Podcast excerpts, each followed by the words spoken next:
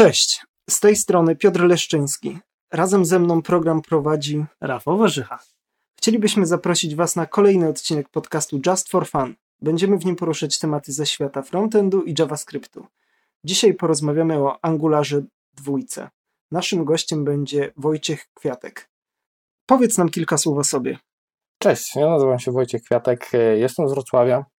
Zaczynałem swoją przygodę z JavaScriptem od trochę innej strony niż wszyscy. To znaczy, ja zacząłem od e, Node.jsa, przechodząc później przez knockouty, Angulary, kończąc teraz na Angularze 2 i Reactie w zasadzie. Jeśli chodzi o moje zatrudnienie, to aktualnie pracuję dla firmy LiveChat z Wrocławia. Poza tym jeszcze, jeszcze jestem też trenerem w organizacji, która się nazywa Dev Meetings, także ludzie z Wrocławia powinni gdzieś, gdzieś tam już kojarzyć. Tam prowadzimy różne szkolenia, między innymi też właśnie z Angulara 2, o którym dzisiaj będziemy pewnie rozmawiać dosyć dużo. No i tyle, jeżeli chodzi o jakiś mój taki background, powiedzmy techniczny. Poza tym jestem gdzieś tam jeszcze gitarzystą, więc całkiem możliwe, że ktoś na wrocławskiej scenie też mnie widział. To chyba tyle, jeżeli chodzi o mnie. Dla mnie, przyznam szczerze, Angular 2 to taki bardzo trudny temat. Jestem mocno związany z jedynką i bardzo duże mam oczekiwania co do dwójki. I jak na razie moje odczucia, tak jak jest ta słynna krzywa nauki Angulara jedynki od zachwytu do frustracji, mhm. tak w kółko i w kółko. Na razie moje odczucia są dokładnie takie same. Na początku byłem zachwycony, jak to działa. Potem trochę mój zapał opadł. Później znowu byłem zachwycony, teraz znowu przeżywam chwilowe trudności. A jak to jest u ciebie? Jak wdrożyłeś się w Angulara dwójkę? Znaczy myślę, że tak. Mógłbym powiedzieć dokładnie to samo, jeżeli chodzi o jakieś odczucia. Znaczy ta krzywa jak najbardziej dalej obowiązuje. Z tym, że tutaj mamy dużo więcej przeszkód, powiedziałbym, dla jakiegoś, na takie pierwsze wejście, tak? To znaczy mamy TypeScript, mamy adnotacje, mamy komponenty, czyli tak na dobrą sprawę to, co zrobiono w Angularze 2, no to jest totalne wyrzucenie tego, co było w Angularze 1. Jeżeli o mnie chodzi, to ja od jakiegoś pół roku piszę w Angularze 2. Jest to komercyjny projekt, który nasi klienci już ujrzeli, nie wiedząc jeszcze o tym. My przepisywaliśmy i cały czas przepisujemy aplikację z Backbone na Angulara 2 właśnie. No i gdzieś zaczęliśmy w takiej głębokiej alfie, to była, nie wiem, alfa 28, coś, coś koło tego. Zaczęliśmy nad tym pracę. Skończyła się ona wypuszczeniem w becie 0 pierwszej takiej malutkiej wersji, którą zobaczyli nasi klienci, z tym nie było problemów. Także no, o tym jeszcze pewnie porozmawiamy, jak to, jak to produkcyjnie wygląda. Natomiast jeżeli chodzi o samo pisanie w ogóle aplikacji w Angularze 2, no to tak jak mówiłem, na początku są dosyć duże schody, czyli wprowadzone jest dosyć dużo nowych pojęć, które nie były znane wcześniej. Nie wiem, programistom jQuery, tak to nazywałem, czy później programistom AngularJS, bo tak na dobrą sprawę teraz ludzie już zaczynają się specjalizować dosyć w konkretnych frameworkach. Już programista JavaScript to, to taki termin, który do końca nie wiadomo, co znaczy. To niestety zaczyna się też trochę odbijać, y, ale to jest y, temat na inną rozmowę. Jeżeli chodzi o, o Angulara dwójkę, no to tak. Może tak cofając się do tego, co w ogóle Team Angulara zrobił, jeżeli chodzi o zapowiedzenie całe Angulara 2, to oni powiedzieli jasno, wyrzucamy całą jedynkę, nie będzie żadnej migracji, robimy dwójkę. Wtedy było takie wow, dlaczego coś, co, z czego korzysta tyle osób, e, nagle ma zostać zupełnie wyrzucone. No okazało się, że mieliśmy tam dosyć dużo problemów w AngularJS, jakby teraz spojrzeć na to przez pryzmat czasu. To znaczy tak, no, mieliśmy two-way data binding, który mhm. okazał się świetny, jeżeli chodzi o takie pierwsze wrażenie.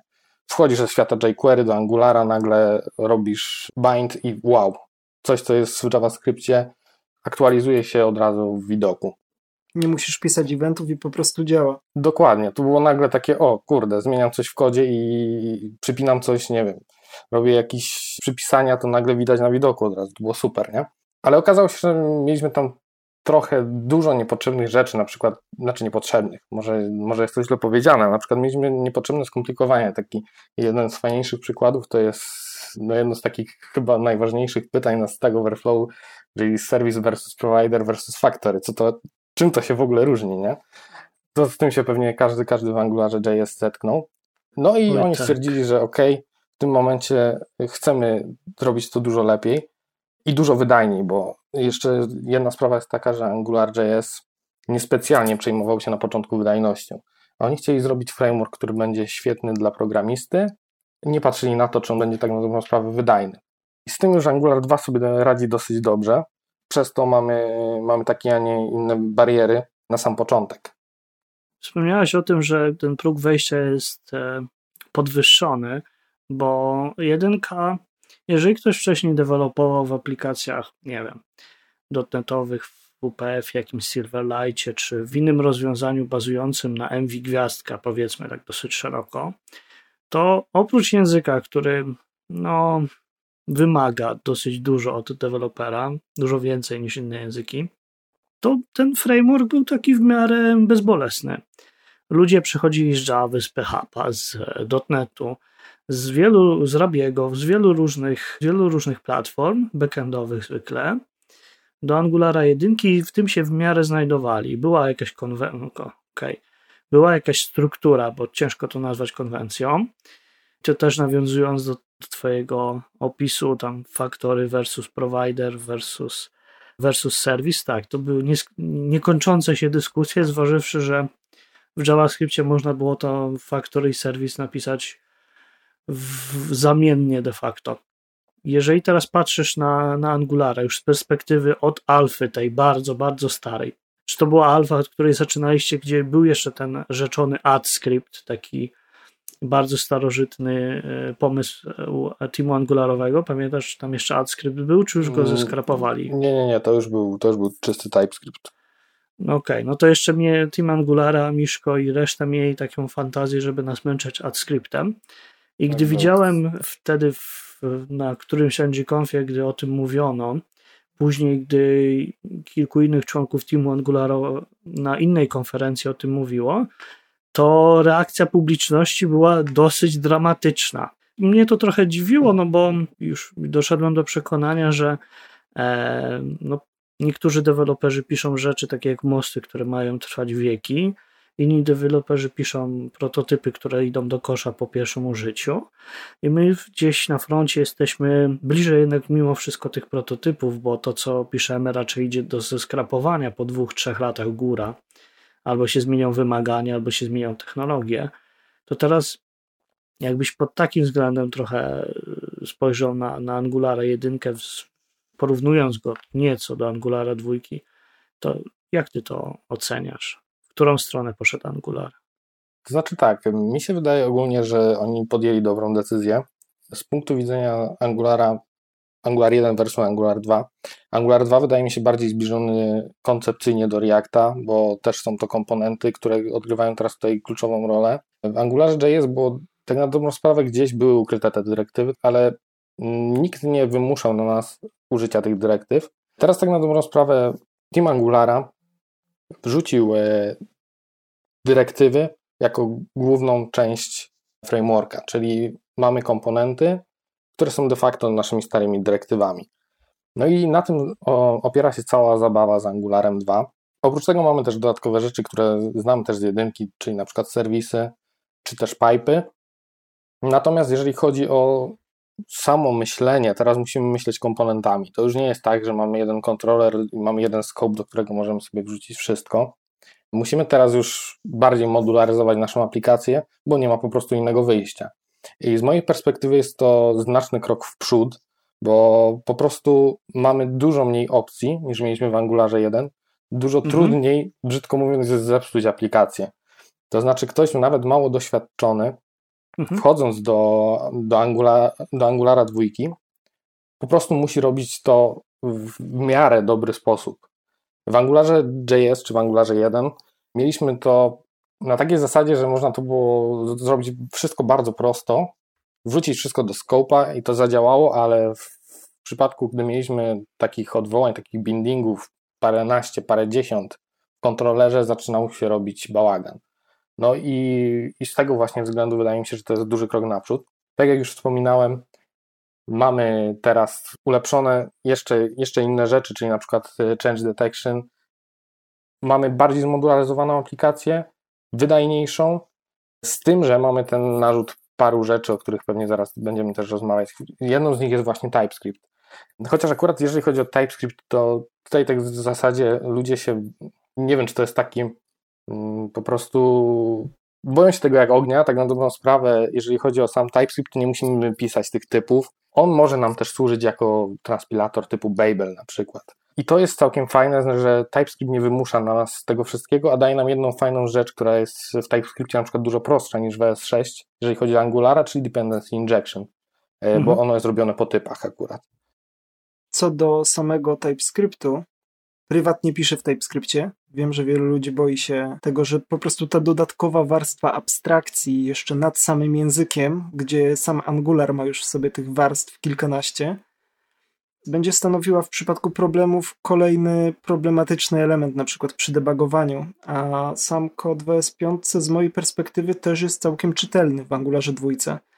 Nie wiem, czy śledzisz może blog Bena Nadella. On w tej chwili dosyć intensywnie opisuje Angulara dwójkę właśnie z wykorzystaniem ES5 i dużo łatwiej niektóre koncepty było mi zrozumieć na podstawie jego przykładów w ES5 i przerzucić na TypeScript, niż od razu zrozumieć w TypeScriptie, gdyż ten nawał zmian jest po prostu za duży. Jak patrzysz na nowy framework w nowym języku, wydaje mi się, że ten narzut może być dosyć znaczący. Wy od razu zaczęliście pisać w TypeScriptie. Nie było to dla was dodatkowym problemem, że nie dość, że nowy framework, to jeszcze nowy język, pewnie jeszcze masa innych dodatkowych problemów. Znaczy, u nas to było tak, że my w ogóle chcieliśmy zacząć pisać w CoffeeScriptie. I to jest o tyle ciekawa twardo. sytuacja, e, że nasze wcześniejsze aplikacje były, no, chyba wszystkie robione w CoffeeScriptie. No więc takim naturalnym, powiedzmy, wyborem dla tego kolej, kolejnego frameworka też miał być CoffeeScript. No z tym, że okazało się właśnie, że w tamtych wersjach jeszcze jak to była, nie wiem, alfa 30, 40, czyli jeszcze na miesiąc, dwa przed, przed wypuszczeniem bety, to ES5 było praktycznie no nie chciałbym użyć słowa nieużywalne, ale znalezienie rozwiązania jakichś problemów było po prostu graniczyło studem. Jeszcze trzeba byłoby to do, do, dodatkowo przełożyć na CoffeeScript, no i z tym to już w ogóle e, jazda bez trzymanki. Później kolejnym takim strzałem było, ok, no jeżeli już się nie da z tym CoffeeScriptem żyć i będzie to po prostu generowało więcej problemów niż rozwiązywało, no to spróbujmy z czystym ES6. No i z tym już było dużo lepiej ale dalej, no, okazywało się, że nie wszystko można tak zrobić, jak jest w dokumentacji, która wtedy powstawała tylko i wyłącznie w TypeScriptie i w sumie nadal powstaje, przede wszystkim w TypeScriptie, no to okazywało się parę rzeczy trudniejszych do zrobienia. Po prostu polegaliśmy na problemach, które były w zasadzie trywialne, jeżeli chodzi o TypeScript. No i tutaj właśnie tym, tym przykładem, o którym już wspominałem, był, było dependency injection, które po prostu TypeScriptie działało, a w ES6 jeszcze było takie, no ok, trzeba było, dalej trzeba robić setery na parameters, tam jakieś injekty przez to robić. No i to okazało się takie trochę śliskie i też jeszcze w tamtych wersjach nikt o tym właściwie nie mówił. No stąd mhm. też poszliśmy w TypeScript, tu się okazało, że wszystko działa tak jak należy. To znaczy tak jak opisywali, czyli to co miało działać to po prostu działało. Dependency injection działało tak jak powinno. Oprócz tego no mieliśmy to, co, co na początku nam się bardzo nie podobało, czyli te typy i kod, który y, wyglądał, nie wiem, jak javowy Spring po prostu. No, mhm. no, no bo tak do tego się to sprowadza. Do tego trzeba było się przyzwyczaić. Z mojej perspektywy TypeScript jest całkiem spoko, y, rozwiązuje parę problemów, y, które wydaje mi się teraz, znaczy nie dostrzegałem tego przed wejściem TypeScript, teraz widzę, że to jest faktycznie pomocne, jeżeli ID mi podpowiada, co mogę sobie zrobić na jakimś obiekcie, na przykład, nie wiem, listy HTML, tak? E, mhm. No to jest, to, jest, to jest całkiem fajne, a dodatkowo, no jak gdyby nie przeszkadza za bardzo. Z TypeScriptem jedyny problem, jaki my gdzieś tam spotkaliśmy i, i dalej chyba jest, to są importy zewnętrznych bibliotek, które nie są pisane w TypeScriptie. To znaczy raz, że tych typingów nie mam, co jest oczywiste, a dwa, że nie do końca się dogaduje, dogadują biblioteki generowane z Babelem. Przede wszystkim chodzi o defaultowe eksporty, z tego co pamiętam. TypeScriptem właśnie. Wciąż jest kilka problemów, które wymagają rozwiązania. TypeScript to nie jedyna zmiana, jeżeli chodzi o Angulara 2. W dwójce pojawiły się też zony, RxJS, nowa składnia w template'ach i mnóstwo innych zmian która zmiana najbardziej do ciebie trafiła? Która zmiana najbardziej ci przekonuje, że twórcy Angulara poszli we właściwą stronę? Okej, okay, to ja może zacznę od tego, od, od nowej składni w template'ach. Mimo tego, że wydaje się ona na pierwszy rzut oka dziwna, to według mnie ma po prostu dużo więcej sensu. Dużo łatwiej jest spojrzeć w template, który ma te dziwne nawiasy i powiedzieć, co w tym miejscu się dzieje i dlaczego. Jeżeli przejdziemy gdzieś tą barierę, jakoś spróbujemy się nauczyć tego, co, co, co każdy z nawiasów oznacza, co ta gwiazdka oznacza i tak dalej, e, mhm. to okaże się, że to jest całkiem proste. Kolejna sprawa, która jest fajna w związku z template'ami, to w końcu wyeliminowali ten problem camel case, to się bodajże nazywa kebab case, czyli, mhm. czyli tego, tej translacji HTML-a na JavaScript, jeżeli chodzi o nazwy zmiennych na przykład. Z tego co wiem, to napisali sobie po prostu parser HTML-a, który to uwzględnia, który ogarnia po prostu camel case'a. Dzięki temu nie ma teraz takich dziwnych rzeczy, jak były w Angularze JS, że pisaliśmy jakąś zmienną, okazuje się, że jej nie ma. To szczególnie na początku były takie problemy. Później się człowiek przyzwyczajał, że, że to trzeba tak, a nie inaczej przerabiać. To, to jest e, według mnie zmiana na plus. Druga sprawa, która, drugi temat, który mi się bardzo podoba, to jest użycie RxJS-a i w ogóle gdzieś myślenie cały czas o tym programowaniu funkcyjnym. Angular niejako zachęca nas do dwóch rzeczy. Jeżeli chodzi w ogóle o samo change detection, to ono bardzo dobrze współpracuje z niemutowalnymi e, strukturami danych i właśnie z observables, czyli z RxJS-em. No i fajnie ten framework potrafi wykorzystać te dwie rzeczy. To mi się na pewno podoba. Aczkolwiek to w jaki sposób na przykład rozwiązany jest change detection, czyli to o czym już tam wspominałeś, zone, JS, który jest, no jest takim tematem dosyć śliskim według mnie, no i też e, gdzieś, no ja cały czas nie mogę tego przeboleć trochę, no bo tak, Zone.js to jest taka, taki magiczny twór, który podmienia na sobie wszystkie asynchroniczne operacje, które się dzieją w przeglądarce, na swoje własne zamienniki. To znaczy, te zamienniki tak na dobrą sprawę wywołują ten, te asynchroniczne operacje w środku, ale dokładają sobie pewne rzeczy. To wszystko jest zrobione po to, żeby móc śledzić kontekst wywołania danej funkcji. Czyli jeżeli mamy set timeouta, to w normalnym JavaScriptie jest on wrzucany na, na pętlę zdarzeń, jest odkładany i zupełnie nie mamy do niego jak dostępu. Gdzieś tracimy ten kontekst, w którym wywoływany był nasz kod. Zone.js taki kontekst sobie tworzy poprzez właśnie nadpisywanie tych funkcji i dokładanie pewnych rzeczy, czyli właśnie tego kontekstu swojego. To pozwoliło na wyeliminowanie takiego problemu, z którym borykali się też programiści właśnie w AngularJS, czyli scope apply, jeżeli robiliśmy coś poza głównym kontekstem aplikacji, wrzucaliśmy coś na przykład w set timeouta, to nagle traciliśmy, Angular gdzieś tracił to tak na dobrą sprawę, gdzie jesteśmy. No i jeżeli nie zrobiliśmy tego scope apply, to zmiana gdzieś tam została zrobiona, Angular nie dostał w ogóle informacji o tym. Teraz sytuacja jest odwrotna. To znaczy, Angular dostaje informacje absolutnie o wszystkim, co się dzieje. Czyli jeżeli wykonujemy jakieś, jeżeli są jakieś e, eventy podpinane do, do batonów, jeżeli mamy jakieś asynchroniczne call do API, do API, wszystko to jest trakowane przez Angulara, przez Zone.js dokładniej. Teraz mamy problem w drugą stronę, to znaczy jeżeli chcemy coś wykonać poza Angularem, to musimy się dobrać do tego zona i zrobić run outside Angular. Jest taka funkcja. Także to jest, to, to jest dosyć ciekawe to jest coś, o czym dzisiaj z Rafałem dyskutowaliśmy, że a co gdybyśmy chcieli zrobić coś poza tym kontekstem i czy to w ogóle jest możliwe, więc to cenna informacja, że jest możliwe. Tak, nasz, w, w ogóle... Na szczęście jest backdoor. Tak, jeżeli już dotarliśmy w ogóle do tego całego zona, tak, on właściwie został e, zrobiony po to, żeby Angular wiedział, co się dzieje, jeżeli chodzi o eventy, czyli to tak na dobrą sprawę change detection, jeżeli chodzi o o ten cały framework jest wykonany na bazie właśnie Zona.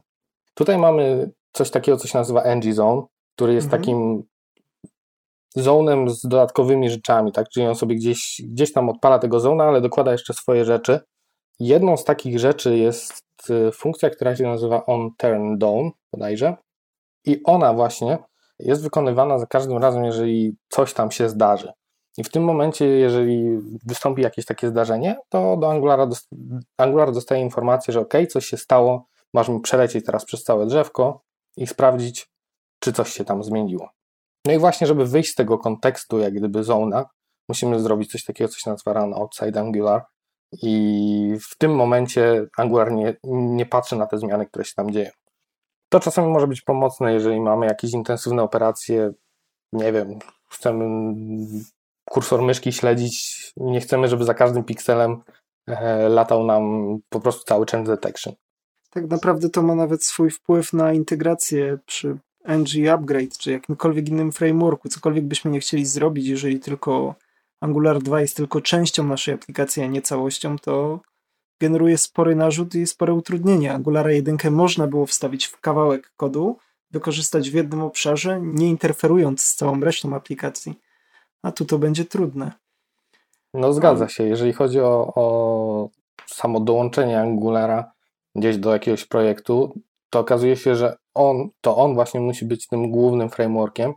Oczywiście, no ja właśnie próbowałem połączyć go z Backbone i to się udało, aczkolwiek no, nachodzą one na siebie dosyć mocno, szczególnie Angular nachodzi na wszystko inne, właśnie przez tego rzeczonego zona.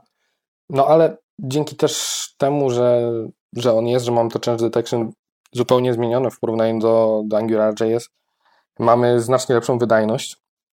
No i to jest, to jest sprawa, która jest dosyć fajna, e, no bo tak, zrezygnowaliśmy, z, czy tam Angular zrezygnował z e, two-way data binding.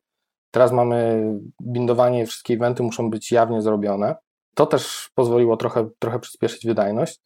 No i mamy to drzewo komponentów, które no wcześniej, tak jak w Angularze JS mieliśmy digest cycle, coś co też było gdzieś przy którymś zetknięciu z Angularem JS było zmorą, bo okazywało się, że gdzieś wchodziliśmy w jakąś pętlę i po 10 razach dostawaliśmy error, że ok, jakaś pętla gdzieś tam digest loop się coś wywaliło. To było takie, ja pamiętam, że pierwszy raz... 10 iteracji. Dokładnie. Jak ja to zobaczyłem za pierwszy raz, myślałem sobie, o co ci chodzi, nie?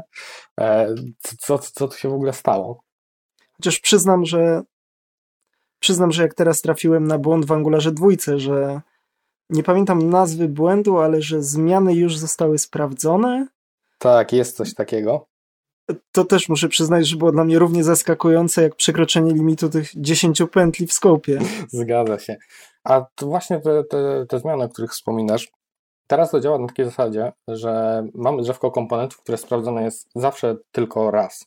AngularJS mogliśmy mieć sytuację, gdzie mieliśmy komponent czy dyrektywę i dyrektywę dziecko i zarówno jedna, jak i druga mogła wywołać detekcję, czyli to change detection na drugim komponencie.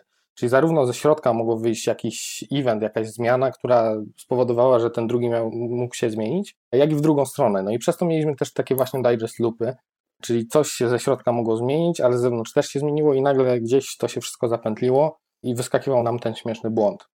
Teraz w Angularze 2 mamy coś takiego, co sprawdza nam tylko i wyłącznie raz nasze drzewo komponentów. To znaczy, jeżeli gdzieś ten zone powiadomił Angulara, że mamy to sprawdzić, no to od samego roota, czyli od naszego głównego komponentu, który jest de facto aplikacją, idzie to sprawdzanie do samego dołu, do wszystkich dzieci. No i właśnie, ten błąd, który gdzieś się tam pewnie wyświetlił, był pewnie spowodowany tym, że w momencie, kiedy to sprawdzenie zostało zrobione, Angular wykrył, że gdzieś coś próbowałeś jeszcze zmienić później. To jest Developers Mode jest, jest coś takiego włączone, że on sprawdza nie tylko raz, tylko że później jeszcze, jeszcze bodajże raz sprawdza, czy, czy faktycznie wszystko zostało należycie wykonane. Tego w produkcyjnym trybie nie ma. No i właśnie gdzieś coś y, zostało później jakoś wykonane. No też nie jest to trywialny problem. Trochę można takie odnieść wrażenie, że pozbyliśmy się jednych problemów, mamy teraz następne. No i ja gdzieś też z tyłu głowy mi siedzi coś takiego, że okej, okay, właśnie wzięliśmy tego zona, żeby, żeby nie mieć problemów, a okazało się, że mamy za to inne. Jaki jest tego plus? No plus jest taki, że jest to dużo wydajniejsze, bo jednak sprawdzanie tego drzewa komponentów raz to nie jest digest cycle, który miotał po wszystkim wszędzie. No i poza tym możemy teraz nad tym panować. To też jest bardzo duży krok w przód. To znaczy, w Angularze JS nie mieliśmy w ogóle totalnie panowania nad tym, co się dzieje w Digest Cycle. On po prostu był i trzeba było robić tak, żeby jemu było dobrze. To znaczy, jeżeli nie, nie robiliśmy Oj, tego tak. zgodnie z jakimiś dobrymi praktykami, no to po prostu nie mieliśmy nad tym totalnie kontroli. To mogło się dziać jak chce. Aplikacja eksplodowała. I... Dokładnie. W Angularze dwójce możemy sobie skorzystać właśnie z tych immutable data, o których wcześniej wspominaliśmy. To znaczy możemy powiedzieć takiemu komponentowi, że słuchaj, ty masz być sprawdzany dopiero wtedy, kiedy ktoś ci zmieni referencję na wejściu na przykład. No bo problem ogólnie jest taki, że JavaScript dopuszcza mm, bez żadnych problemów mutowalne obiekty, czyli możemy sobie zmienić jakiś property obiektu, nie zmieniając jego referencji. No I w tym momencie, żeby sprawdzić, czy coś się faktycznie zmieniło, to taki framework, czy, czy to Angular, czy cokolwiek innego, żeby sprawdzić, czy coś tak na dobrą sprawę się zmieniło w tym obiekcie, to musi przejść po każdym z tych, z tych property no i porównać do tego poprzedniego obiektu. W ogóle sam case taki kopiowania obiektów w ES5, w JavaScriptie, który mamy w przeglądarkach, no nie jest taką trywialną sprawą, co ciekawe. No więc jeżeli wykorzystamy ten immutable object, który właśnie za każdym razem, jeżeli coś się zmienia, zmieni też referencję, no to dajemy frameworkowi znak jasny, prosty, że sprawdź tylko i wyłącznie referencję. Jeżeli ona się zmieni, to możesz dopiero wtedy sprawdzać i update'ować ewentualnie drzewo do. I to okazuje się być naprawdę dużym krokiem w przód, bo dzięki temu zamiast sprawdzać, nie wiem, tysiąc komponentów, w których de facto wiemy, że nic się nie zmieniło, możemy sprawdzić tylko 10, bo sprawdzimy ścieżkę tylko i wyłącznie do jednego jakiegoś komponentu dziecka i tyle. I po prostu dzięki temu mamy dosyć potężny skok wydajnościowy w stosunku do Angulara JS. Z tych badań, które gdzieś tam czytałem, gdzieś yy, były robione przez różne zakątki internetu, no są to nawet wartości porównywalne z React.js-em, który jest tak bardzo chwalony za ten Virtual DOM. Także według mnie to może być ten deal breaker. Zmiany, o których mówisz, dotyczą Immutable.js, a są jakieś zauważalne zmiany performance'owe, jeżeli nie będziemy korzystali z Immutable.js? Tak, tak jak wspominałem, to samo zmiana tej pętli e, digest na drzewo komponentów już spowodowała, że mamy tylko raz sprawdzanie. E, co więcej, jest to jeszcze robione w ten sposób, że w Angularze JS, czyli w Angularze 1, była generyczna funkcja do sprawdzania w ogóle wszystkich zmian, które zachodziły w, w całym tym drzewku, gdzieś tam we wszystkich łoczowanych obiektach. W Angularze dwójce każdy komponent ma swoją funkcję, która jest generowana. No i tutaj jeszcze wchodzi taki temat y, polimorficznych, tam generycznych właśnie funkcji, które były w Angularze JS, a takich specyficznych, które są w Angularze dwójce dla każdego komponentu. No i dzięki temu zamiast porównywać tak na dobrą sprawę jakieś wejście, które nie wiemy jak wyglądało zupełnie, może być czymkolwiek do, do jakiegoś wyjścia, do, do, z jakąś funkcją, tak w Angularze 2 dokładnie wiemy, jakie, były, jakie są wejścia komponentu, czy Angular dokładnie wie, jakie są wejścia komponentu i jak je najefektywniej sprawdzić, tak żeby maszyna wirtualna mogła to zrobić optymalnie. No i tutaj, jeżeli chodzi o, o same zmiany performance'u, no to oni się gdzieś chwalili, że, że jest to 3 do 10 razy bez dotykania w ogóle jakiejś immutable data, po prostu z samego założenia, jak działa framework i jak mhm. Mm, działa cała, cała ta aplikacja Angularowa. Czyli sam fakt, że korzystamy z bardziej optymalnego podejścia, bo korzystamy z danych, które zawsze będą miały taką samą strukturę i nie musimy być odporni na to, że struktura tych danych może w każdej chwili się zmienić, bo ta funkcja nie musi być generyczna. I z faktu, że nie musimy wykonywać nie wiem, sprawdzenia na 10 tysiącach łoczy trzy razy po 10 tysięcy, bo coś wpłynęło na coś, a coś mogło wpłynąć jeszcze na coś innego a jaki wpływ na performance ma RxJS? Decyzja o tym, że użyjemy go w projekcie, ma jakiś wpływ na performance? Więc przekazujemy do komponentów kolejny stream, który zawsze będzie miał tą samą referencję i nie możemy tej referencji zgubić. Okej, okay, jeżeli chodzi właśnie o RxJS i o wejście, które jest de facto observable, możemy wykorzystać manualne triggerowanie change detection. To znaczy, to jest chyba taki już najbardziej nazwijmy to niskopoziomowy scenariusz, czyli to my mówimy w tym momencie Angularowi, że wtedy i wtedy możesz sobie sprawdzić dopiero, że coś w tym komponencie się zmieniło.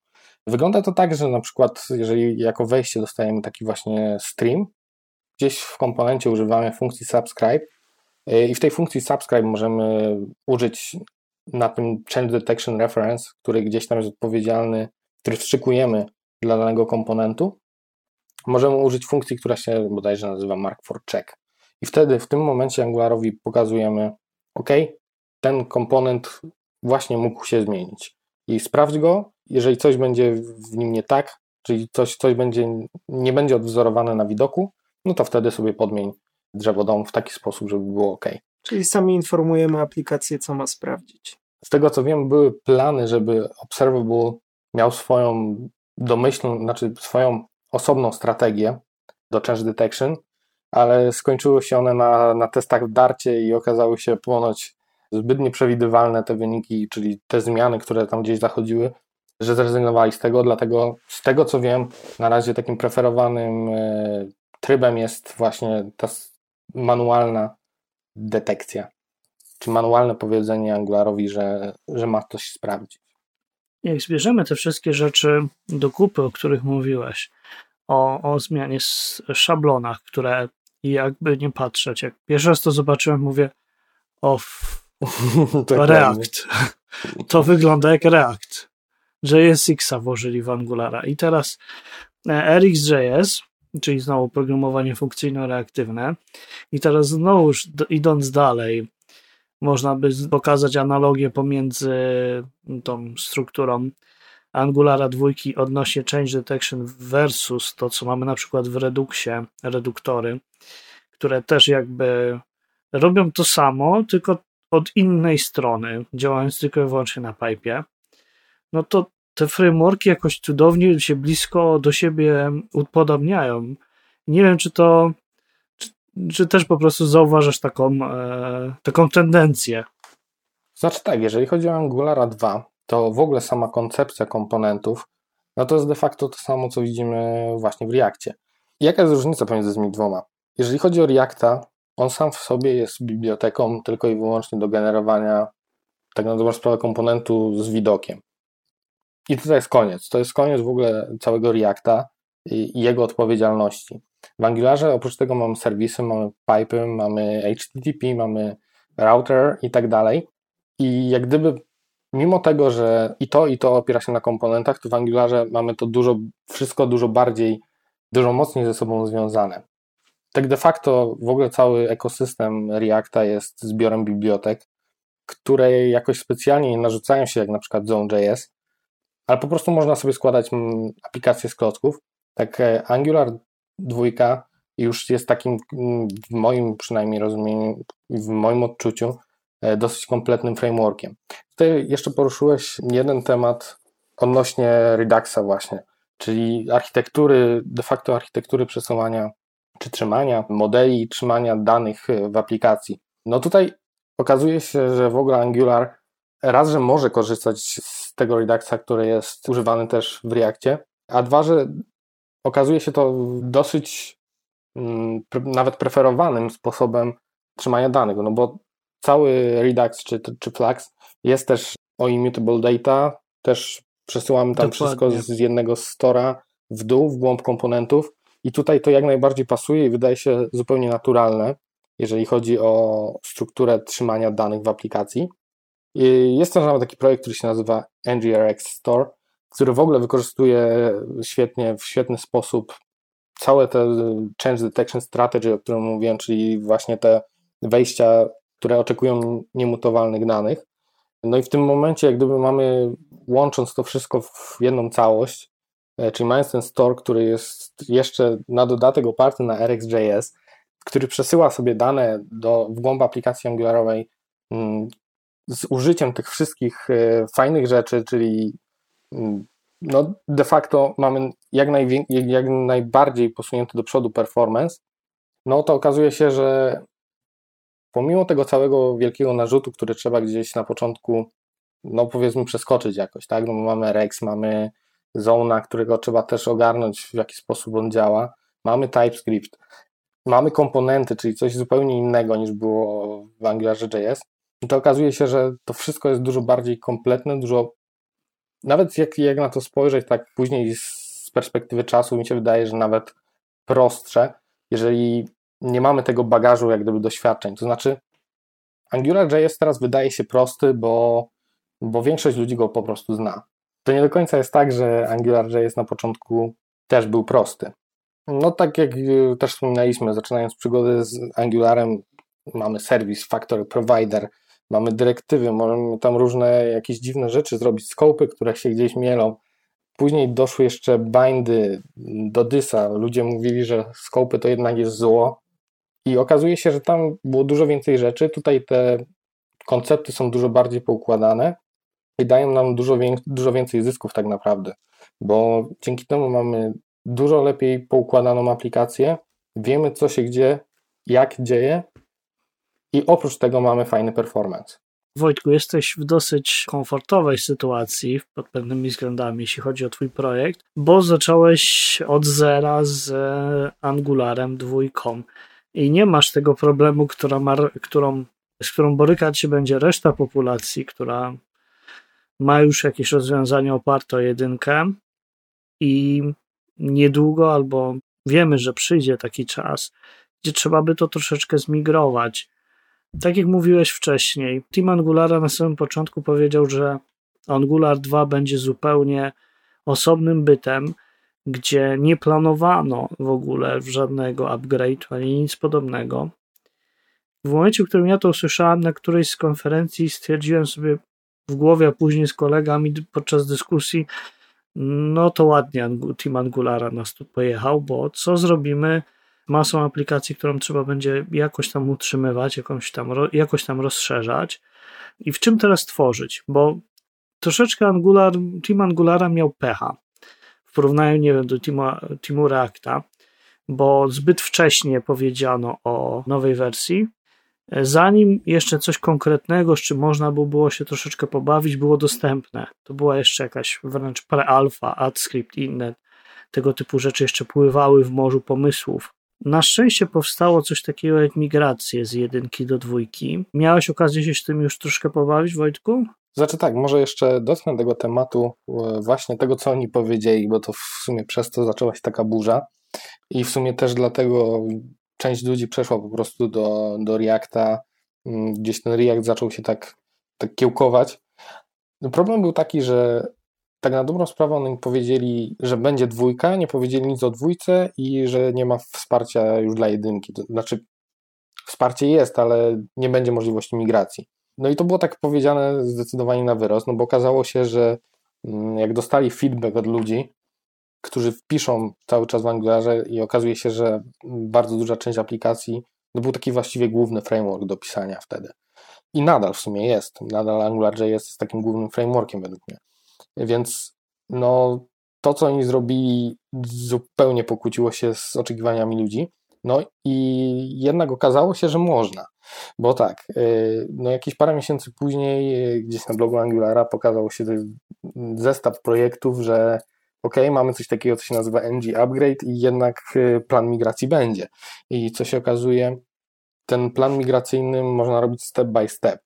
Znaczy nie trzeba od razu wyrzucać całej aplikacji do kosza, tylko możemy sobie komponenty używać w Angularze 1 możemy sobie używać komponenty z dwójki i na odwrót. Czyli możemy sobie downgrade, upgrade robić y, komponentów tak w zasadzie. W ogóle Angular w tym momencie, który jest w wersji 1.5 też wprowadził pojęcie komponentu, który jest de facto specjalną, specjalnie skrojoną dyrektywą.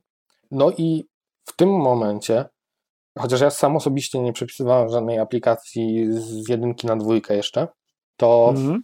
według mnie jest to jak najbardziej możliwe i wcale nie takie trudne. To znaczy, no tyle o ile mogą się pobawić, to nie będzie to aż tak trudne, jak pisanie aplikacji od nowa oczywiście. Nie? Czyli no pytanie jeszcze, jak to będzie działało tak w prawdziwym życiu. No ja tutaj nie mam, nie mam w tym jakiegoś doświadczenia, także no nie mogę powiedzieć, czy szybko pojawią się ściany nie do przejścia. Natomiast no wygląda to cał, całkiem w porządku. No problem tutaj, tak jak mówię, no było po prostu komunikacja i, i no mimo tego, że według mnie cała droga typu ucięcie tego i i napisanie od nowa jest słuszne, to to w jaki sposób oni to powiedzieli i w jaki sposób zostawili ludzi na lodzie, no to nie było zdecydowanie fajne. Z NG Upgrade ja mam trochę doświadczeń i tak szczerze mówiąc, to po wszystkich moich doświadczeniach mogę wysnuć taki mały wniosek, że tak naprawdę NG Upgrade powstał w momencie, kiedy twórcy Angulara zorientowali się, że to React jest teraz najpopularniejszą dziewczyną w szkole. Trzeba zabiegać o względy deweloperów w społeczności. Bo tak szczerze mówiąc, miałem ogromne nadzieje, jak zacząłem patrzeć na NG Upgrade, jak zbootstrapowałem moją pierwszą aplikację i faktycznie udało mi się odpalić starą aplikację, która działała w 100%, nie było z nią żadnego problemu, wszystko pięknie funkcjonowało, to było super. W momencie, kiedy zacząłem myśleć o tym, ok, jak po kolei ten komponent po komponencie migrować do Angulara dwójki, okazało się, że już tak prosto nie jest, że o ile całą jedną wielką dyrektywę jesteśmy w stanie wrzucić, prosta zmiana, mamy kontroler, mamy widok, łączymy w dyrektywę, wrzucamy do dyrektywy, wrzucamy to do Angulara dwójki, wszystko działa, to w momencie, kiedy doszedłem do przepisywania już poszczególnych dyrektyw, bardzo liczyłem, że na przykład uda mi się wyjąć dyrektywę, przepisać ją na dwójkę i niech ona jakoś współpracuje z pozostałymi dyrektywami. No i tu zaczęły się schody. Okazało się, że właśnie to, co powstało pod hasłem komponentu w Angularze 1.5, tak naprawdę tylko taki rodzaj dyrektyw nadaje się do przepisania prostego na Angulara 2. Jak się okazało, żeby ng upgrade można było użyć, dyrektywa musi być dyrektywą elementową, nie może być dyrektywą atrybutową. Jeżeli dyrektywa jest atrybutowa, no to przepraszamy, nie będzie to działało.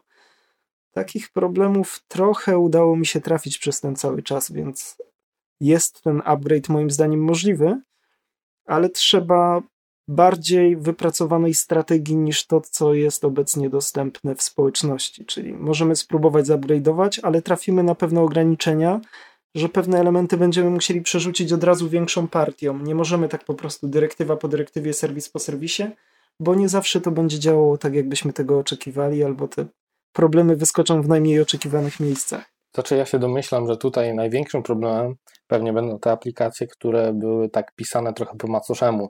To znaczy, że właśnie nie było tego dobrego podziału, już nie wspominając o takiego podziału właśnie Angular 1.5, czyli mamy już komponenty, które, mhm. czyli tak jak mówiłeś, mamy dyrektywę, do niej komponent i wszystko jest pięknie, ładnie, tylko wystarczy to spiąć w jedno i, i później przepisać na Angulara 2. No dużo aplikacji, które ja gdzieś widziałem w, robionym w Angularze, no to tam Scope robił takie magiczne rzeczy, że ja nawet nie wiem, jakby to spiąć na komponenta, co dopiero na, na Angulara 2. Nie? Także no domyślam się, że, że to, w jaki sposób właśnie nie byliśmy zmuszani do pisania aplikacji, no odbije się teraz właśnie mhm. na migracji. Trochę się z tym zgadzam. Na przykład ja dużo inspiracji czerpałem z kodu samego Angulara, czy z kodu ng Material, gdzie atrybuty, które zmieniały działanie dyrektywy, które teraz jest komponentem, były na porządku dziennym. Nawet walidacje, które były dyrektywami atrybutowymi, wpływały na ng model, to wszystko razem się konfigurowało i teraz nagle się okazuje, że czegoś takiego nie zmigruje. No właśnie. No właśnie. Też trzeba rozpatrywać komponenty z 1.5 jako taką, no trochę się boję użyć tego słowa, ale protezę, bo to nie są, e, to one się nazywają oba te frameworki Angular, wszystko się zgadza, logo jest też podobne, ale to są dwa kompletnie różne narzędzia pod względem tego, jaki, jaki zbiór narzędzi ze sobą noszą. Więc nie da się jawnie przerzutować wszystkiego tego, co robiliśmy mniej lub bardziej e, partyzancko w jedynce, ucząc się, z, nie wiem, z czasów 1, 1 czy 1, 1, 2, 3, dawne, dawne czasy, dwa lata temu, do tego, co mamy w Angularze dwójce i w jaki sposób już też sami na projektach, robiąc tych Angularów angularowych aplikacji pary nauczyliśmy się w jaki sposób modularyzować, w jaki sposób robić dependency injection, w jaki sposób strukturalizować tą aplikację, testować i tak dalej, i tak dalej. Więc wydaje mi się, że zarówno deweloperzy, którzy korzystali z frameworka jedynki, jak i sam team tego frameworka musiał się trochę nauczyć, chociaż to są ekstremalnie mądrzy ludzie, to i tak musieli się nauczyć, jak powinno się taki framework pisać, a my powinniśmy się nauczyć, jak z tego frameworku korzystać. I jedyną różnicę, taką zasadniczą, którą widzę na pierwszy rzut oka, to jest ten próg wejścia, bo próg wejścia w wypadku Angulara był minimalny. Nawet ten JavaScript nie przeszkadzał, bo Angular poprawiał po nas jak po, po takich małych dzieciach, których trzeba po prostu posprzątać A nowy Angular już nie jest taki wybaczający, już nawet aktualna stabilna wersja 1.5 też nie jest taka wybaczająca w stosunku do dewelopera. Wiele tych hakerskich metod i już poginęło na szczęście, już nie można ich po prostu używać. Jest tylko jedna kwestia. Co wtedy, gdy mamy aplikację z czasów 1.1, czy sprzed dwóch lat, co w naszym, w naszym krawcie to jest wiek, po prostu stulecie całe rozwoju? I trzeba by ją zaktualizować do jakiejś stabilnej wersji, już nie mówię Angulara dwójki, w ogóle jakiegoś stabilnego Angulara, niech to będzie za rok, no to to jest po prostu masakra, bo równa się to praktycznie przepisaniu i zeskrapowaniu 80% aplikacji. To, co zostanie, to są te elementy, które były w miarę dobrze popisane i te, które są w miarę czyste, to znaczy nie było tam żadnych e, kolizji pod względem wymagań, niczego podobnego. Więc to będzie duże wyzwanie. Ja się cieszę, że takie narzędzia powstały pod naciskiem społeczności. Szkoda, że pod naciskiem, ale powstały, bo jest jeszcze NG Forward. I tutaj na temat NG Upgrade'u i na temat NG Forwardu już z Piotkiem mieliśmy przy kawie tyle dyskusji różnego rodzaju, że tam się dzieje, dzieje, jak dla mnie, z mojej perspektywy, nie dotykałem tego za mocno, troszeczkę tylko, ale tam się dzieje po prostu magia w jaki sposób można zestrukturalizować, e, zestrukturalizować aplikację? To znaczy tak, ja już się trochę śmieję, bo jak zobaczyłem pierwszy raz w ogóle NG Forward, to dla mnie to było takie, no ale po co? E, Precisely. No bo, no umówmy się, tak, jeżeli chodzi o NG Forward, czym to w ogóle jest? To jest e, pisanie aplikacji Angulara.js w składni Angulara 2. Mm, mm, I teraz tak, no ale co gorsza, to nie wszystko działa. E, no bo oczywiście nie mamy wszystkich dostępnych rzeczy, tych, tych rzeczy, o których tutaj rozmawialiśmy, no, no nie ma tego w Angularze JS, bo ogólnie koncepcja, w ogóle przecież Angular.js jest frameworkiem MVC, tak na dobrą sprawę. W Angularze 2 mamy komponenty.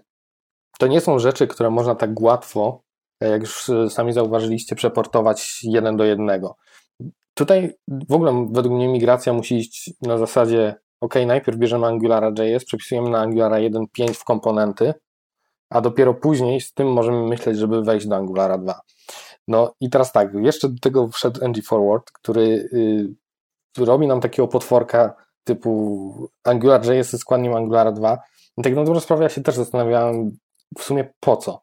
No i jedyny taki use case, jaki mi przychodzi do głowy, no to po prostu chcemy komuś sprzedać Angulara.js chcemy się pobawić Angularem 2, więc y, napiszemy oh, wow. sobie po prostu składnie Angulara 2, ale no, skompilowany będzie Angular.js. No, no de facto chyba tylko i wyłącznie w, w, tym przypadku, no bo w każdym innym, no to według mnie Angular 2 już jest na tyle stabilny, że, że możemy go spokojnie użyć. No wiadomo, musimy zapomnieć o, o takich tworach jak Internet Explorer 8, z dziewiątką też, też może być problem, chociaż skończoną ilością poliwili można to, można to zrobić. E, ale, ale no tak, no dobre, musimy mieć te, te, ograniczenie po prostu gdzieś, gdzieś z tyłu głowy. No i spokojnie możemy Angulara 2 już użyć, dlatego tak trochę dla mnie to niepojęte jest po co jest ten NG Forward i jaki problem on rozwiązuje. Jak wy macie jakiś pomysł, to ja się w sumie chętnie też dowiem. Nie wiem, czy zauważyliście, ale o NG Forward już nikt poważnie nie mówi. Moim zdaniem pojawiło się to dosłownie na taki krótki okres czasu, żeby zaspokoić pragnienie ludzi poznania dwójki, posiadania nadziei, że to da się zmigrować. A jak pojawiły się konkrety, to projekt można zakopać i już o nim nie wspominać.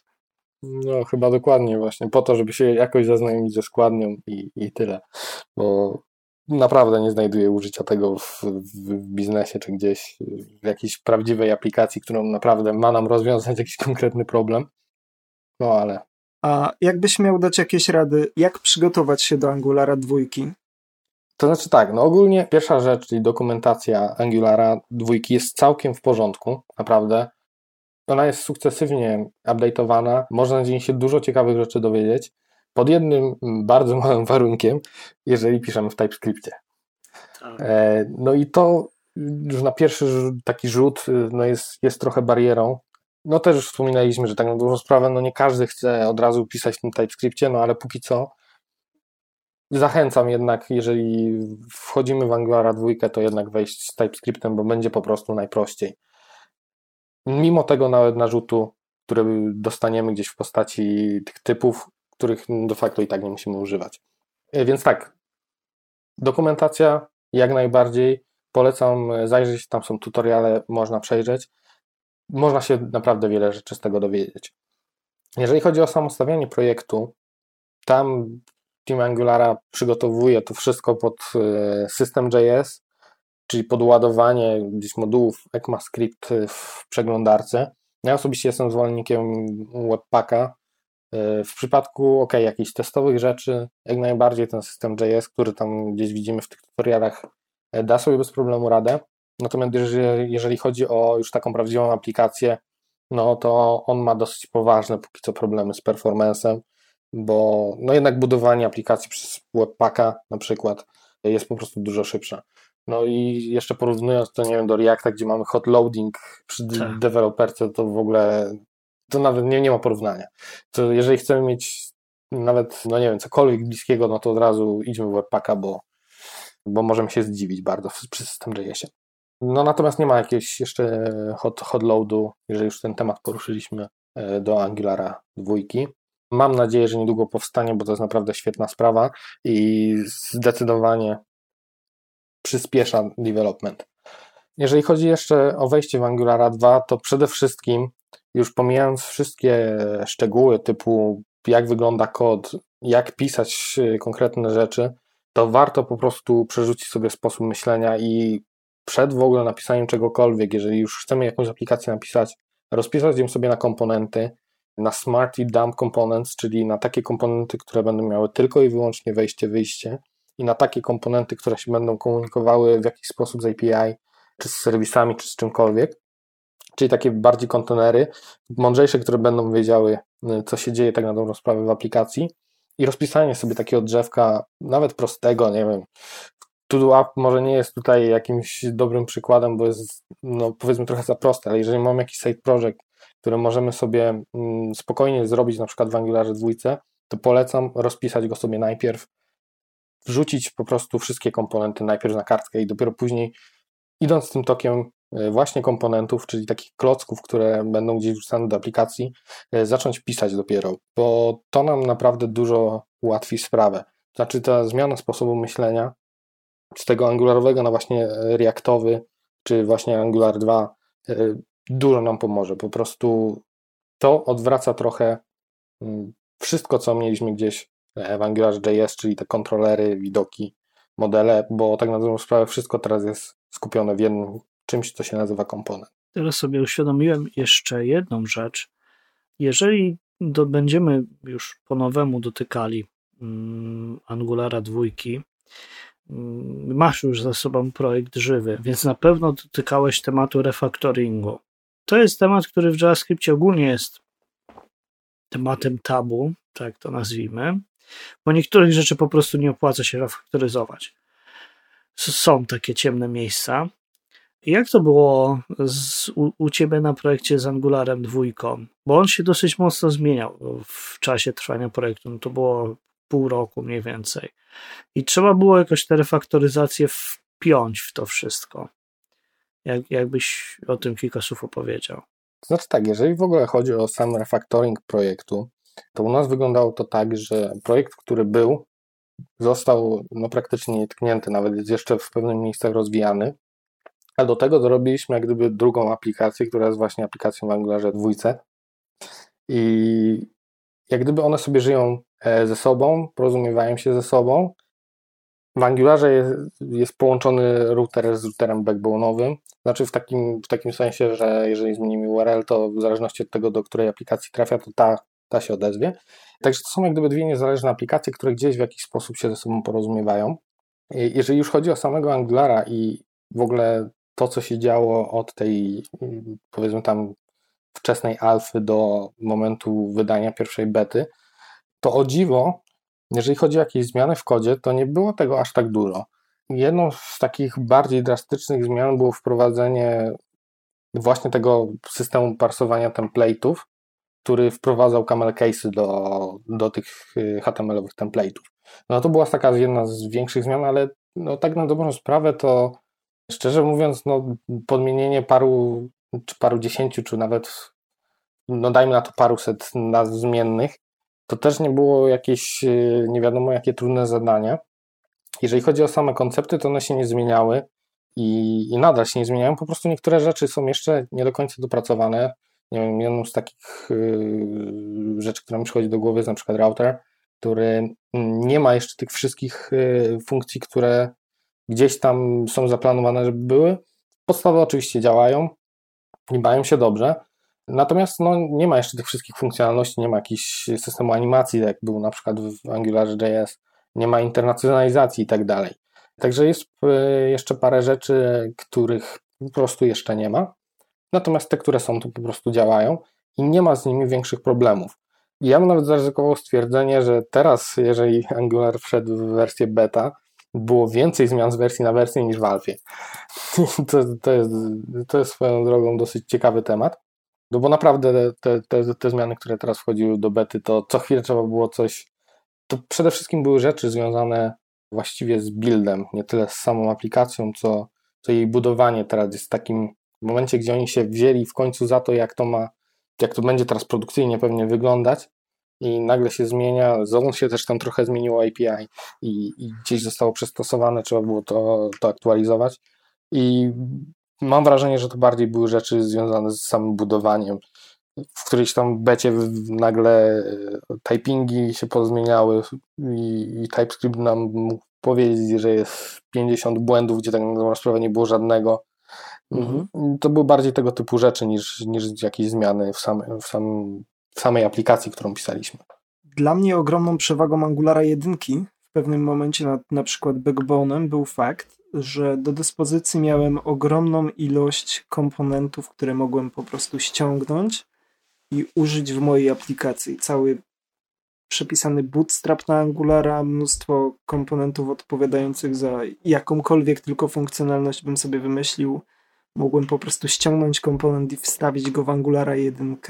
No jeżeli chodzi o Angulara 2, to takiego morza komponentów, jakie, czy tam zewnętrznych bibliotek, jakie jest w AngularJS, e, który można porównać chyba tylko z jQuery, to, mm -hmm. to, mhm. to nie ma póki co, aczkolwiek no już e, zaczynają się pojawiać, na przykład wspomniany przez Ciebie Bootstrap, też już jest e, NG2 Bootstrap.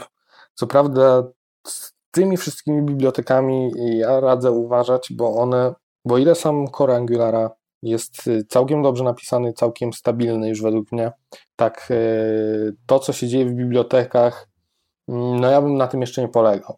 To znaczy zależy też jaki mamy use case, ale u nas na przykład większość komponentów, znaczy w sumie nawet nie potrafię sobie przypomnieć, czy jakiejkolwiek biblioteki użyliśmy zewnętrznej, czy po prostu wszystko i tak było na tyle customowe, że musieliśmy to napisać od nowa.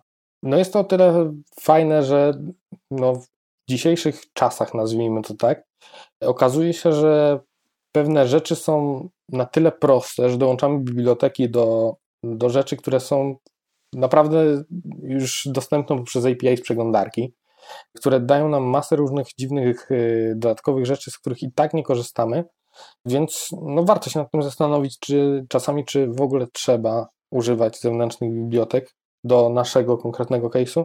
No wiadomo, nie będziemy jakiegoś y, super kalendarza pisać na nowo, ale póki co trochę bibliotek jest, ja bym z nimi uważał. Jeżeli to są jakieś większe rzeczy, które chcielibyśmy dostać za darmo, to zapewne ich nie będzie. Jeszcze w Angularze 2. Kto wie, czy twórca jakiejś biblioteki przypadkiem nie zdecyduje o jej unpublishu, jak leftpad. tak, I, mamy. I to też mamy było proste. Jest, jest, jest fajnie. W naszym świadku JavaScriptowym to tylko u nas takie rzeczy. Tak, no, no mamy specyficzny styl pracy. Ale idąc troszeczkę dalej w ten futuryzm, bo zahaczyliśmy o, o dwa case'y.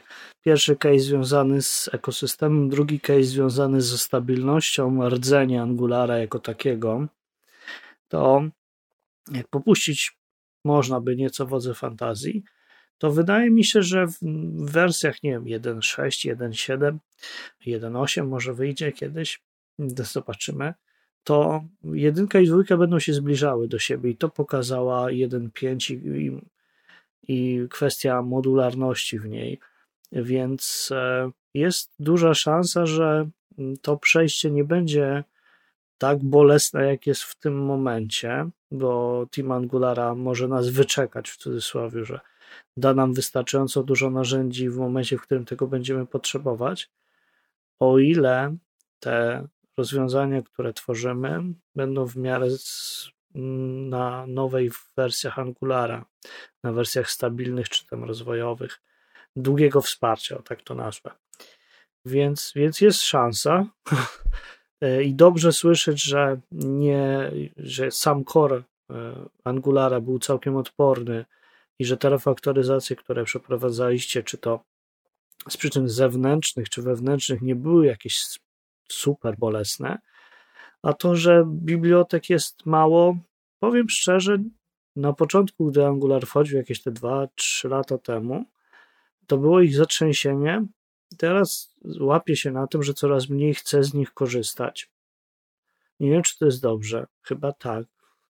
Ale patrząc na to, co one dodają, w jaki sposób są pisane i że w każdej chwili ktoś je może z NPM-a a znając życie to zrobi, albo się okaże, że e, ja potrzebuję jakiegoś, jakiś bug po prostu mieć rozwiązany, zrobię pull request i zostanę olany przez pół roku, bo takie rzeczy też się zdarzają, to już wolę tę bibliotekę przepisać na nowo, sforkować, przepisać na nowo wewnętrznie i ją utrzymywać wewnętrznie, bo to jest funkcjonalność, której ja potrzebuję do systemu mojego, czy dla klienta i chcę wziąć za to odpowiedzialność, przynajmniej w kontekście tego projektu, którym się zajmuję.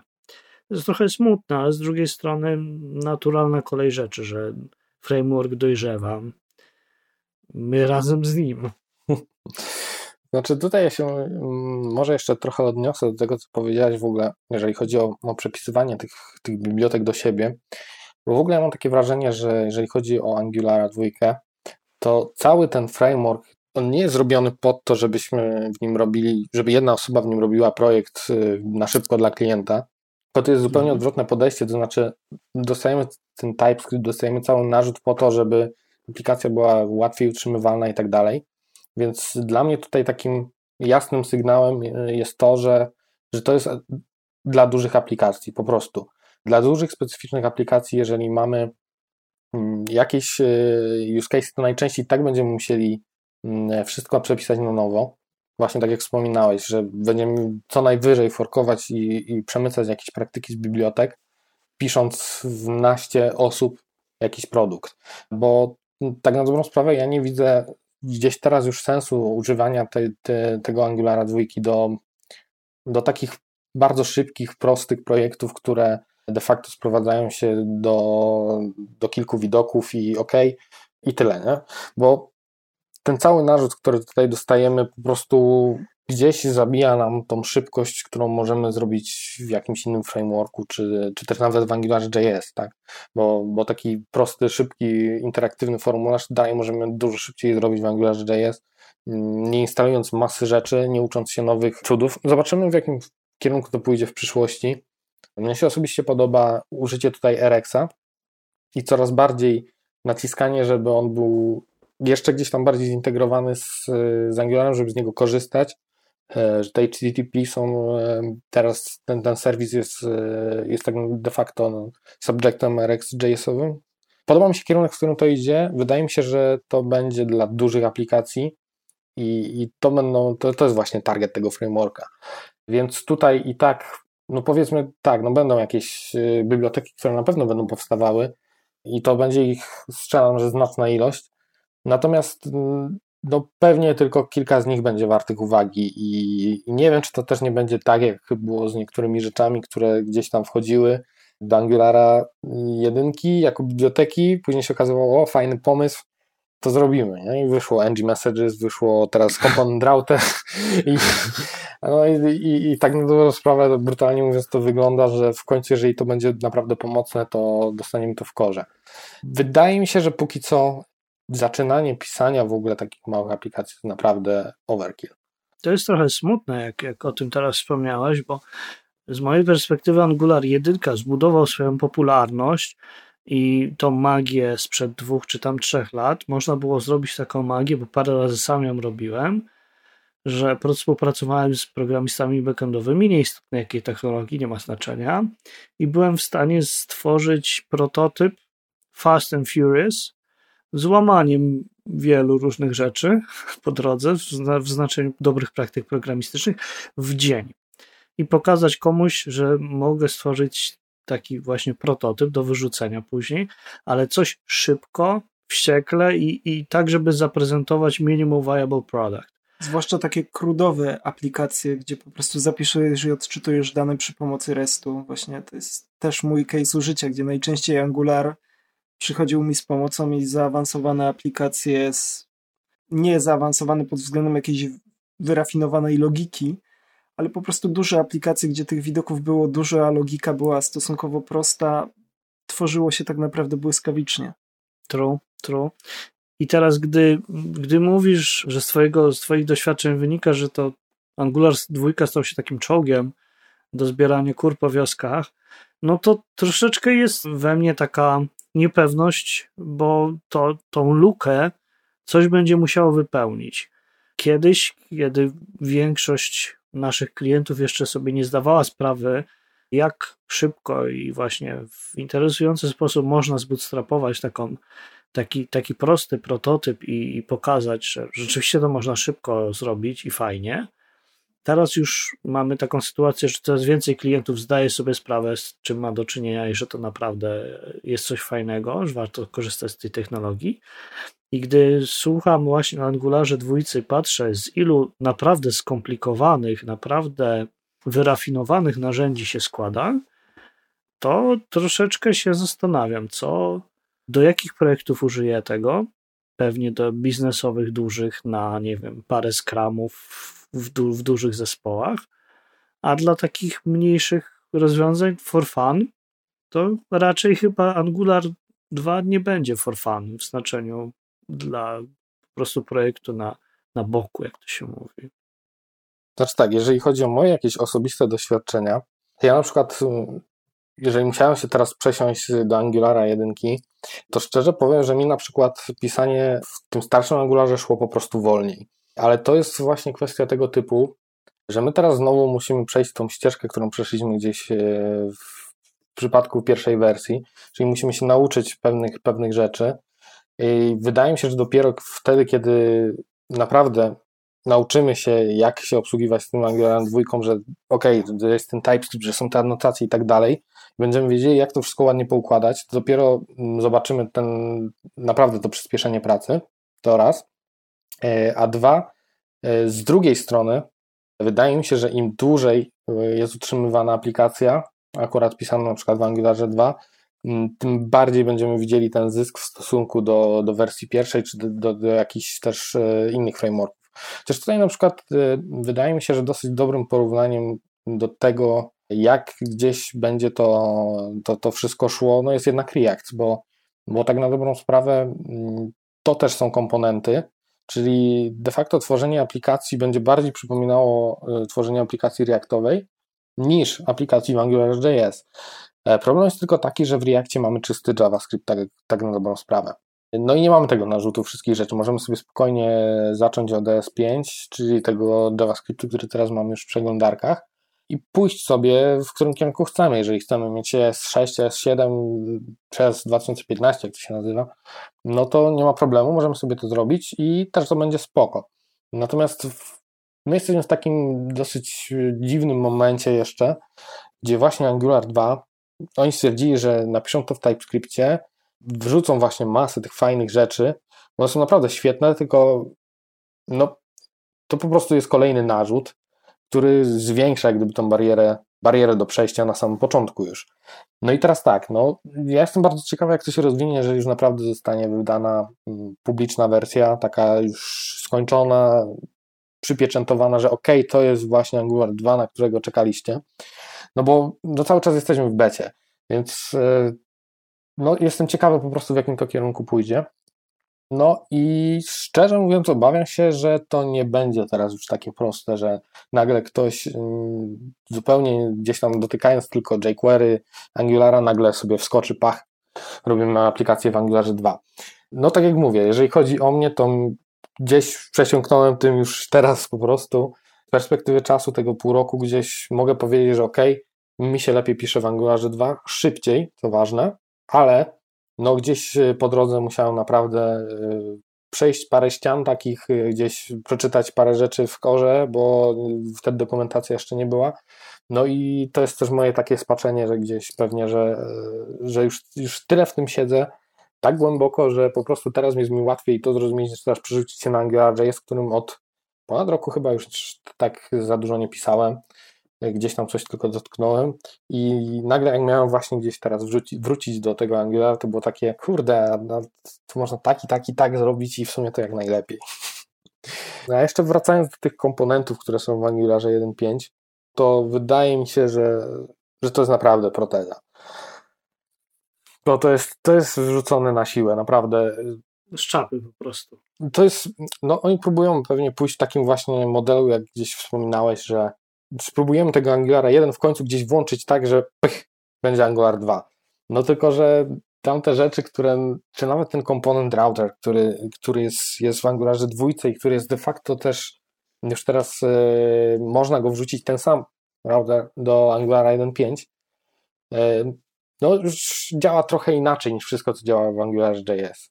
Już nagle jakieś tam rzeczy są dostępne w trochę inny sposób niż były składnia już jest trochę inna i tak, no teraz łącząc tego Angulara 1.5 z tym, co było wcześniej, no mamy taki trochę miszmasz tego wszystkiego, co, co, co tam się dzieje. No z jednej strony skopy, z drugiej komponenty, z trzeciej e, two-way data binding, ale w komponentach już nie. No i tak to wszystko się miesza, pomieszanie z poplątaniem i tak na dobrą sprawę no, no, mi się było teraz ciężko odnaleźć, jeżeli gdzie właśnie dotknąłem jakiejś aplikacji w Angularze 1.5, żeby zrobić po prostu dobrze.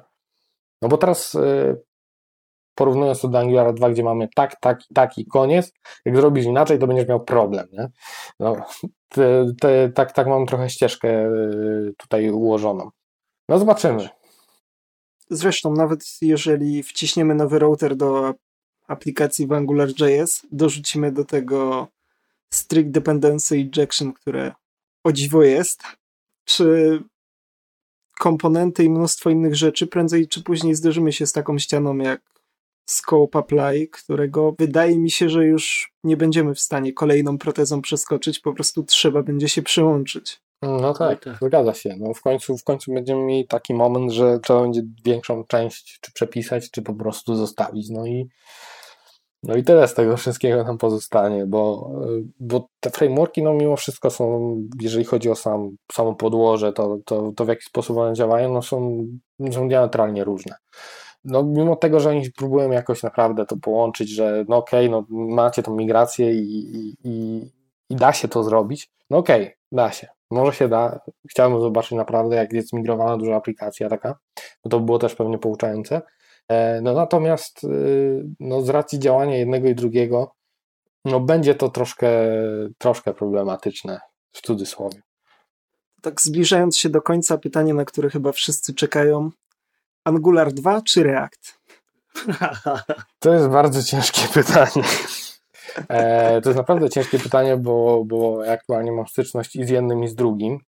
I, i tak, szczerze powiem, że to, to zależy. Znaczy tak, to zależy od tego, co chcemy osiągnąć, przede wszystkim w jakim czasie. No bo jeżeli y, chciałbym teraz zrobić projekt, y, czy nawet, nie wiem, w przeciągu trzech miesięcy wydać coś do klienta i miałbym jakiś zespół ludzi, którzy nie pisali wcześniej w Angularze dwójce, to, to na pewno bym go nie wziął. To jest po prostu zbyt duży narzut, y, który musimy poświęcić na, na wdrożenie, czy ludzi, czy, w ogóle, nie wiem, jakiegoś systemu budowania i tak dalej, które już są no, po prostu zrobione przez społeczność reaktową, więc po prostu wybrałbym Reacta w tym miejscu. Ale jeżeli tak jak, e, tak jak my zaczynaliśmy na przykład e, Angulara jakieś pół roku temu, wydaje mi się, że projekt, z jakim my to wdrażaliśmy, czyli taki długofalowy, naprawdę, który wiemy, że nie skończy się za rok, e, nie skończy się najprawdopodobniej też za, za 5 lat. No, wydaje mi się, że jest dużo bardziej przyszłościowy i, i jeszcze będzie to jeszcze to nam bardziej pomoże, no bo tak, bo mamy tam faktycznie TypeScript, mamy wszystkie rzeczy, które są dużo bardziej przydatne w większym zespole po prostu. Więc moje zdanie jest takie, im większy, im bardziej długofalowy projekt, tym bardziej skłaniałbym się ku Angolarowi dwójce w tym momencie. I tym optymistycznym akcentem będziemy się powoli zbliżać e, do końca. Wojtek, gdzie możemy znaleźć więcej informacji o, o tym, co robisz, o tobie? To znaczy, ostatnio jestem dostępny na Twitterze, ostatnio od jakiegoś czasu, e, jako Wojciech Kwiatek. To jest zdziwienie. Oprócz tego przede wszystkim na GitHubie jako W Kwiatek. Poza tym, jeżeli chodzi o jakieś strony internetowe, to na razie nie istnieje. Oczywiście to jest na mojej to-do liście, ale jeżeli będę, jeżeli będzie w końcu, to się, to się na pewno pochwalę.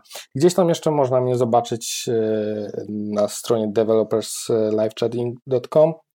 Tam czasami zdarzyło mi się tam akurat napisać parę rzeczy o Angularze dwójce, jeżeli chodzi o testowanie i pewnie gdzieś tam się jeszcze pojawię na blogu firmowym. Wojciech, a może Wojtek? Może być Wojtek w sumie. To się wcześniej dogadaliśmy. Wojtek, dzięki za przyjęcie zaproszenia i interesującą dyskusję. Wszystkich słuchaczy zapraszamy na kolejny odcinek podcastu Just for Fun już niedługo. Zapraszamy również do śledzenia naszego profilu na Facebooku i na Twitterze. Do usłyszenia.